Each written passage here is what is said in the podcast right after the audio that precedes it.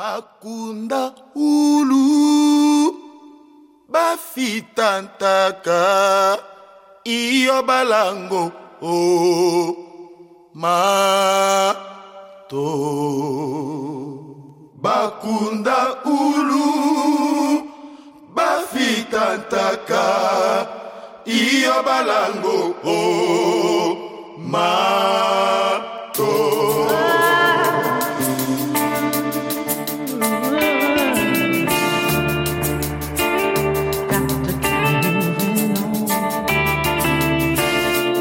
ebangaka tokima baomaobaowaolio balangaka tokima baotikalaki te tekeleke ya ngonda ye balangaka tokima baomaobaowaolio balangaka tokima baotikalaki te tekeleke ya ngonda ye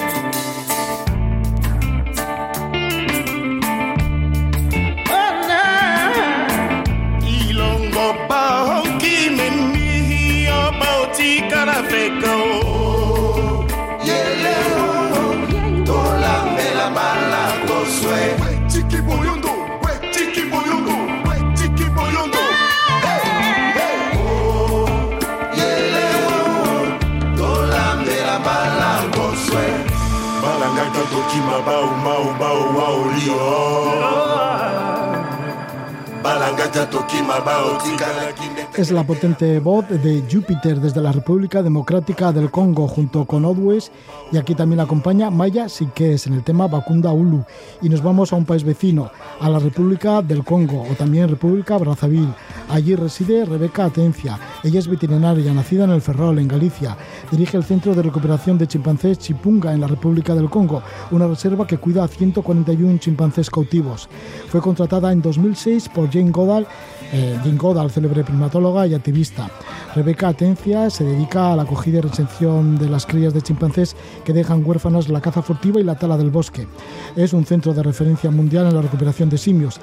Además, no solo en este centro de recuperación de chimpancés de Chipunga trabaja, sino que es directora del Instituto Jane Goddard en todo lo que es este país, en el Congo. Rebeca Atencia ha sido galardonada con el Premio Nacional de la Sociedad Geográfica Española. Es considerada la heredera de Jane Goddard. Le damos la bienvenida a Rebeca Atencia. Muy buenas noches, Rebeca. Hola, buenas noches.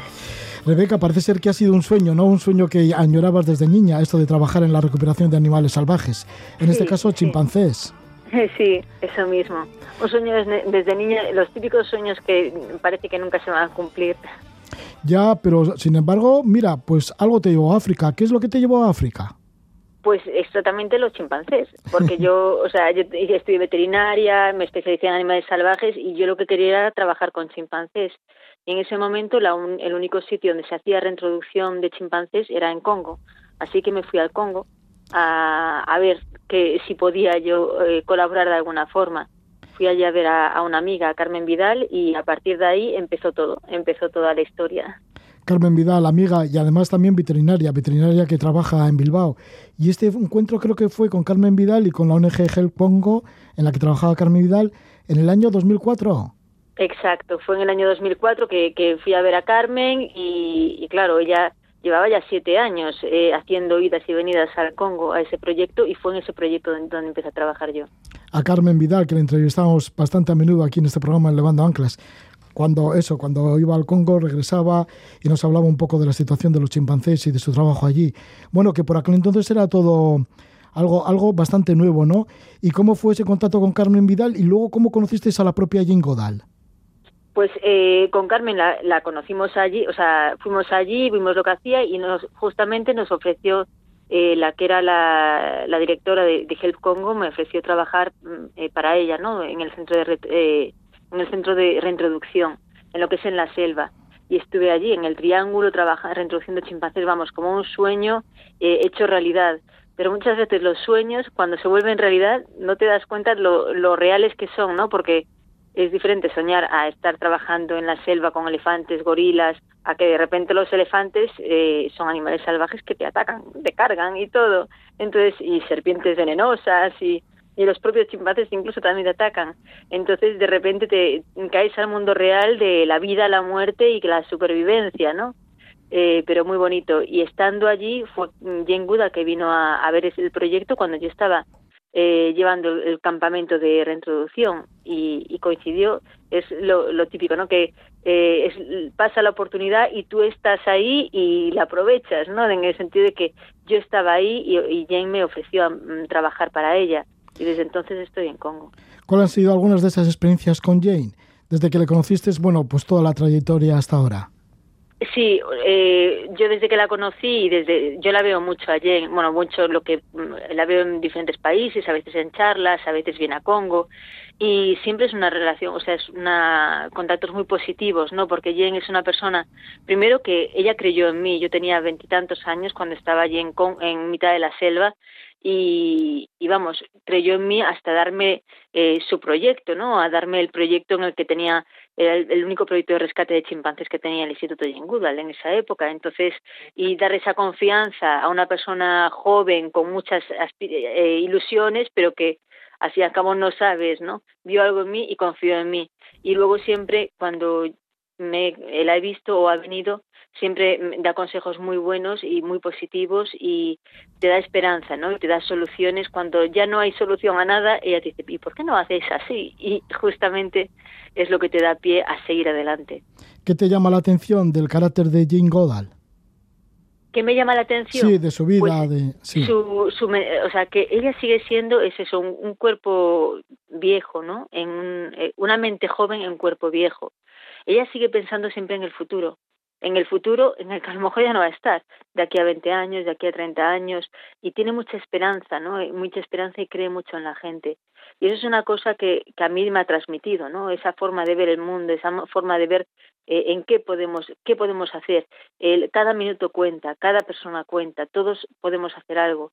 Y, y, es una realidad. Y eso es lo que más a mí me parece que, que refleja, ¿no? Quién es Jane Goodall. Rebeca, ¿y cómo te has hecho a la selva? pues a los elefantes, a los chimpancés, a las serpientes y a todo lo que le rodea, porque es un mundo totalmente ajeno. Sí, ese fue el primer reto ¿no? que, que tuve al llegar a la selva y defenderme allí en la selva. Bueno, y también tenía un montón de trabajadores que hablaban francés. Yo no ni hablaba francés cuando llegué al Congo, pero al final te pues sacas energía de donde sea y, vamos, eh, yo en la selva me, me apaño muy bien, ¿no? De, de aquí para allá de repente me salen energías cuando llego a la selva e, es muy duro, es muy duro y más tener una responsabilidad, ¿no? Como la que tengo yo cuando, porque yo siempre soy la jefa de misión y, pero, y tienes que pensar en todo, ¿no? En todo lo que puede pasar y estar por delante de eso.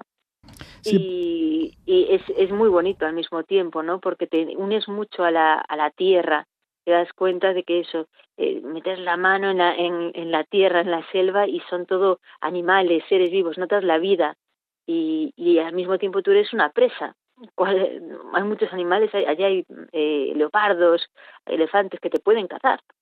Y entonces es como que revives unas, eh, un miedo ancestral del que nos hemos olvidado. Eres directora del Instituto Jingudal en la República del Congo, así que te moverás por todo el país y por todas las reservas y parques nacionales. Y en concreto, ¿tu sede en dónde está? ¿Perdón, en concreto? Sí, ¿en dónde está la sede? ¿En dónde trabajas habitualmente? Eh, yo ahora trabajo, o sea, no trabajo solamente en Congo. Yo estoy ahora entre España y, África, pero no solamente en Congo. Yo ahora viajo a, muchos otros países también, porque la cosa es que llevo muchos años en, en Congo y hemos eh, conseguido muchas cosas, ¿no? Y hemos aprendido muchas cosas. Entonces, y hemos hecho una estrategia para luchar contra el tráfico ilegal de chimpancés a nivel nacional que ha funcionado.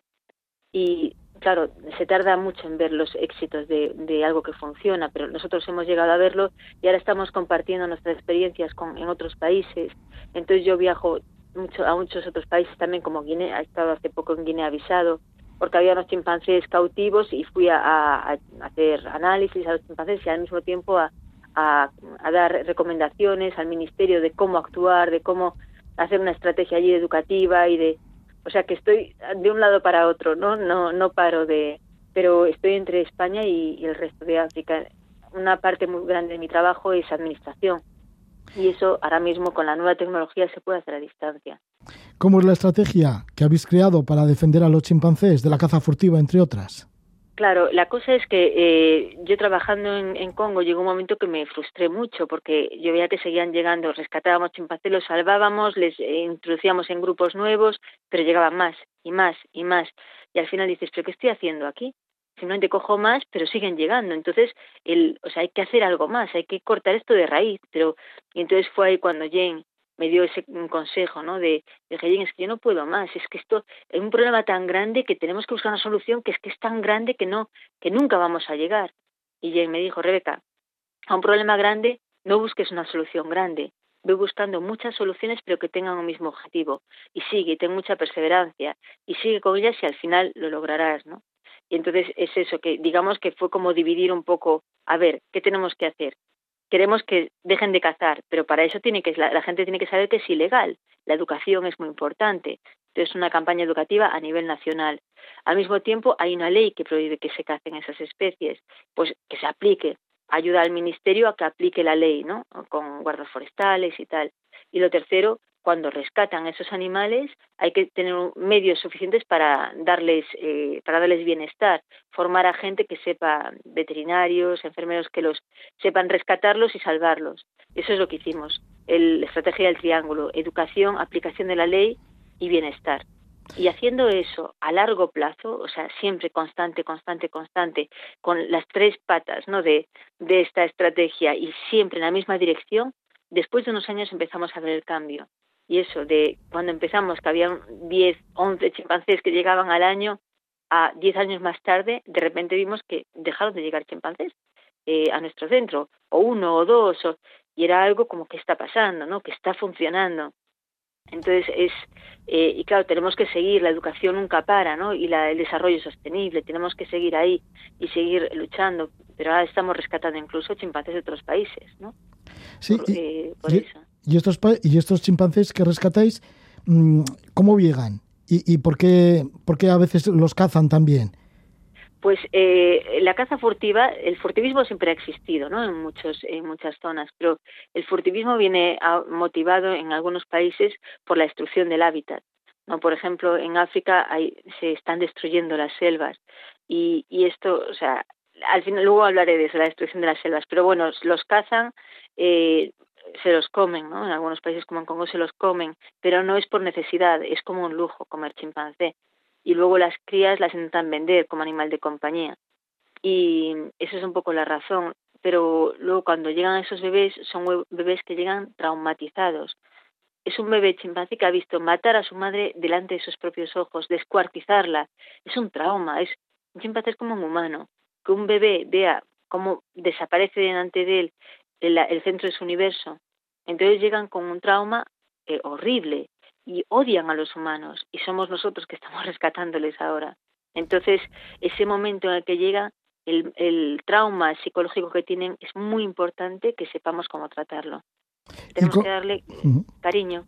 Ya, pues eso, eso, te quería preguntar, por el proceso de recuperación tanto física como psicológica. Sí, sí, sí, y psicológica, o sea, claro, física, dar eh, cuidados médicos, tratar enfermedades si hay, pero si no le das el cuidado psicológico que necesita, es como un bebé, un niño que ha perdido a su madre y está solo, y de repente le meten en un medio frío, le tienes que dar cariño, amor, abrazarle, darle apoyo, darle y, y tiene que dárselo un humano, que es un humano que ha matado a su madre. Entonces, ese momento es clave cuando llegan conseguir que el cuidador establezca ese vínculo con el, bebé y que ese vínculo tiene que, ser, o sea, ese apoyo tiene que ser día y noche, porque es por las noches donde nosotros vemos que realmente tienen pesadillas. Los bebés se levantan gritando, ¿sabes? De, a lo mejor sueñan con el trauma, ¿no? Que han sufrido. Entonces tiene que estar ahí el cuidador para darle apoyo, darle, acariciarle, y, es un momento clave de la recuperación, porque si eso se hace bien, luego ese chimpancé podrá eh, recuperar eh, el comportamiento ¿no? normal. Compartimos el 99% del ADN eh, con los chimpancés, el ser humano, ¿no? ¿Y qué te asombra de su comportamiento todavía? ¿Qué te asombra de los chimpancés? En, en, los chimpancés lo que me asombra es que cada uno es diferente, ¿no? Entonces ya no me asombran como especies, sino me asombran como individuos eh, además que los chimpancés, o sea, son realmente son como nosotros, o sea, cuando convives con ellos o cuando los has visto en la selva, son como nosotros, pero hablan otro lenguaje. y en su lenguaje no, no lo escriben, que es la diferencia realmente que yo veo entre los humanos, que los humanos somos capaces de transcribir y de hablar del futuro y del pasado, y el chimpancé es, tiene un lenguaje que te comunica del momento, ¿no? Es un, es un poco la diferencia que yo veo. Pero el resto, yo cuando estoy con los chimpancés me siento como con un humano y, y algunos son, o sea, con algunos te, eh, o sea, tienes, como cada uno tiene su personalidad, pues te, te sorprenden, ¿no? Muchas veces de, de cosas muy concretas de un individuo. Y dices, ¿y este cómo ha hecho esto? O que intentan engañarte, o que intentan... Es, es algo increíble. ¿Habrás tenido amistad y tienes amistad con algunos de los chimpancés? ¿Te han dejado huella alguno de ellos? Sí, claro que sí, porque hay veces que yo tengo que hacer cuarentenas de los chimpancés que llegan. O sea, cuando eh, llega un chimpancé huérfano hacemos una cuarentena, que en el tiempo que no puede estar con otros chimpancés. Y es ahí cuando le damos una madre adoptiva humana. Pero ya hay veces que también tengo que ser madre adoptiva humana porque soy veterinaria y si llegan en condiciones muy críticas y hay que darle tratamiento, tengo que estar yo 24 horas con los bebés. Entonces, hay algunos de ellos que eh, cuando haces la cuarentena eres como su madre y ya te quedas para toda su vida. O cuando algún chimpancé ya más mayor que se ha puesto muy enfermo y he tenido que estar yo allí, parece como que se acuerdan, ¿no? De, de ese momento, de lo que, lo mal que lo habían pasado y que tú estabas ahí y que los salvaste. Y esa amistad, si la estableces, te queda de por vida. Y yo hay chimpancés que yo no veo todos los días, que a lo mejor ya están en la selva desde hace tiempo y, si un día tengo que entrar en la selva para ver a otro y viene Cudia, por ejemplo, viene y, y se pone contentísima de verme. Cada una expresa ese sentimiento de una forma diferente, ¿no? ¿Y cómo te comunicas con ellos? Eh, pues con, con eh, las vocalizaciones de los chimpancés. Sí, o sea que hay un, idioma o algunas palabras, algunos gritos. Eh, los chimpancés tienen un, eh, un lenguaje entre ellos, ¿no? Entonces te comunicas, haces la comunicación que tienen son vocalizaciones combinadas como movimientos con gestos de la cara y con movimientos del cuerpo. Entonces tú tienes que respetarles cuando llegas a te acercas a ellos o, ellos se acercan, te saludan, tú les saludas, no les rechazas, no, sino que les saludas y él sigue a, a su historia y tú a la tuya. No yo no voy a la selva y digo, ay, les empiezo a abrazar, sino que hay veces que ellos, hay alguno de ellos que hace mucho que no me ve y me da un abrazo, pues no lo voy a, rechazar, ¿no? Porque es como si rechazas a un amigo que lo echas a un lado, sino que yo le, acepto y seguimos, ¿no? Sí, sí. Y Rebeca, ¿hay un censo de chimpancés que quedan en su medio natural en el continente africano? Eh, hay muchos censos, pero son, son números que es difícil de saber, ¿no? Porque en cada país es diferente y, y claro, es, eh, son, es muy difícil hacer censos. Se hace censos con una metodología que se llama distance, en la que se miden los nidos, se cuentan los nidos en diferentes zonas y se, según eso se, hace un porcentaje de la cantidad de, de chimpancés que hay en esa zona. No me sé ahora mismo el número de chimpancés que quedan en el mundo, ¿no? En el continente africano, pero están en peligro de extinción. Sí, eso te quería preguntar. ¿Están en peligro entonces de extinción? Cada vez hay menos. Están en peligro de extinción y, y mucho de ellos viene potenciado por la deforestación, ¿no? Y eso es una cosa que a mí me ha marcado mucho, ¿no? Lo de ver el, qué impacto está teniendo la deforestación. Porque yo me fui a, Congo con la idea de salvar chimpancés y, y claro, poquito a poco te vas, vuelves a la realidad, ¿no? De que salvas individuos, salvas esos chimpancés, pero el problema es más grande, ¿no? El, problema de raíz es otro, y es que se está desapareciendo las selvas. Y si no hay selvas, no tienen casa. Y si no tienen casa, están por, salen fuera y, claro, los matan. ¿Y cuál es la responsabilidad de esas selvas? ¿Quién, ¿Por qué desaparecen? A mí una cosa que me ha impactado mucho es ver todos los... A mí me gusta mucho la botánica, ¿no? Y aprendí mucho de todos los árboles que los chimpancés, gorilas y elefantes comen en la selva. Cuando salí de la selva y vi que esos árboles estaban troceados en camiones y que iban directamente al puerto, al puerto, al puerto, y salían de Congo, porque la demanda de esa madera no es local, es internacional. Y al final esa madera la estamos eh, demandando nosotros desde España, desde eh, Francia, desde Italia, desde muchos países se está reclamando esa madera que viene de países tropicales y está desapareciendo la selva. Entonces, al final, cada uno de nosotros somos responsables del consumo, de lo que hace, de nuestro consumo, ¿no? A nivel de eh, si compras una silla de madera, pues es mejor que la compres de plantación, que sabes de dónde viene. La compres de una selva que no sabes qué está pasando allí. Entonces, simplemente con la decisión que tomamos cada día de comprar madera de plantación y otra cosa que está teniendo un impacto muy negativo es el aceite de palma. las plantaciones de los monocultivos que están haciéndose en países tropicales se están destrozando las selvas. Lo mismo, compras un producto, mirar que no tenga aceite de palma, y si tiene aceite de palma, no elegirlo. Y esas elecciones que tomamos cada uno de nosotros es lo que está haciendo cambiar el mundo. Y a mí eso es lo que me da más esperanza en, esta, en el mundo de la conservación, porque es una realidad. Porque yo he visto desde hace más de 15 años que yo hablaba del aceite de palma y decían la gente, ¿qué es eso? Y ahora es una realidad, pero porque nosotros, cada individuo, ha dicho no al aceite de palma, no. Y ahora hasta grandes organizaciones eh, multinacionales lo ponen en sus etiquetas. Tal producto sin aceite de palma es muy bonito, ¿no? De ver cómo el individuo toma eh, toma liderazgo, ¿no? En la conservación por sus actos individuales.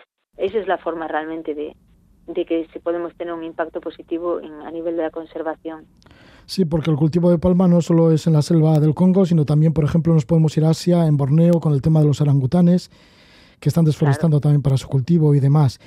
y también, sí, perdona, y también un, una alternativa puede ser el turismo. Por ejemplo, en el centro de recuperación de chimpancés en Chipunga, ¿hay algo para el que la gente se pueda acercar por allí y apoyar a los chimpancés vivos más que a los chimpancés o al animal muerto con la caza furtiva? Sí, el turismo es una alternativa, una alternativa que es muy positiva, ¿no? Si se hace eh, correctamente. Eh, en Chimbunga estamos ahora, vamos a empezar con una nueva iniciativa de desarrollo de turismo a nivel de la reserva, eh, pero bueno, con lo del COVID ha habido, claro, ha impactado mucho al, al tema del turismo, ¿no? En estos países, pero sí que tenemos en la cabeza de desarrollarlo, pero en otros países sí que se está desarrollando actualmente y es algo que siempre tiene un impacto positivo, ¿no? Porque es eso, ver, eh, le das más valor al chimpancé vivo que muerto. Cambias un, porque hay, cambias una rifle por una cámara de fotos. Y cuando el gobierno ve eh, beneficios económicos en eso, va a apoyarlo, la, la protección de las, de las selvas. ¿Y cómo es Chipunga? ¿Y cómo es el Parque Nacional de Concuatí, que está cerca de Chipunga? Eh, pues es maravilloso. Para mí es como mi segunda casa, ¿no? Concuati es un parque que eh, un parque nacional que es meterte en, en, otro planeta, meterte en un mundo, en, un cuento, ¿no? Para eh, y yo he tenido la suerte, ¿no? De vivir con Cuati durante todos estos años, porque he, empezado en Concuati y seguimos introduciendo mandriles y con los chimpancés y con y es una realmente tener la oportunidad de ver todas estas especies en libertad que vas andando por el parque cuando tienes que trabajar, ¿no? Con chimpancés o lo que sea. Si te cruza un gorila o mandriles o elefantes, da mucho miedo, pero te da, se te sube la energía, ¿no? Decir, es que yo formo parte de esto. somos una unidad. Yo soy uno más. Es increíble. Bueno, pues en ese mundo vive nuestra invitada Rebeca Tencia, veterinaria nacida en Ferrol, directora del Instituto Jim Godal en el Congo. Ha sido además galardonada con el Premio Nacional de la Sociedad Geográfica Española. Por ello, enhorabuena y muchísimas gracias por tus palabras, Rebeca Atencia. Muchísimas gracias.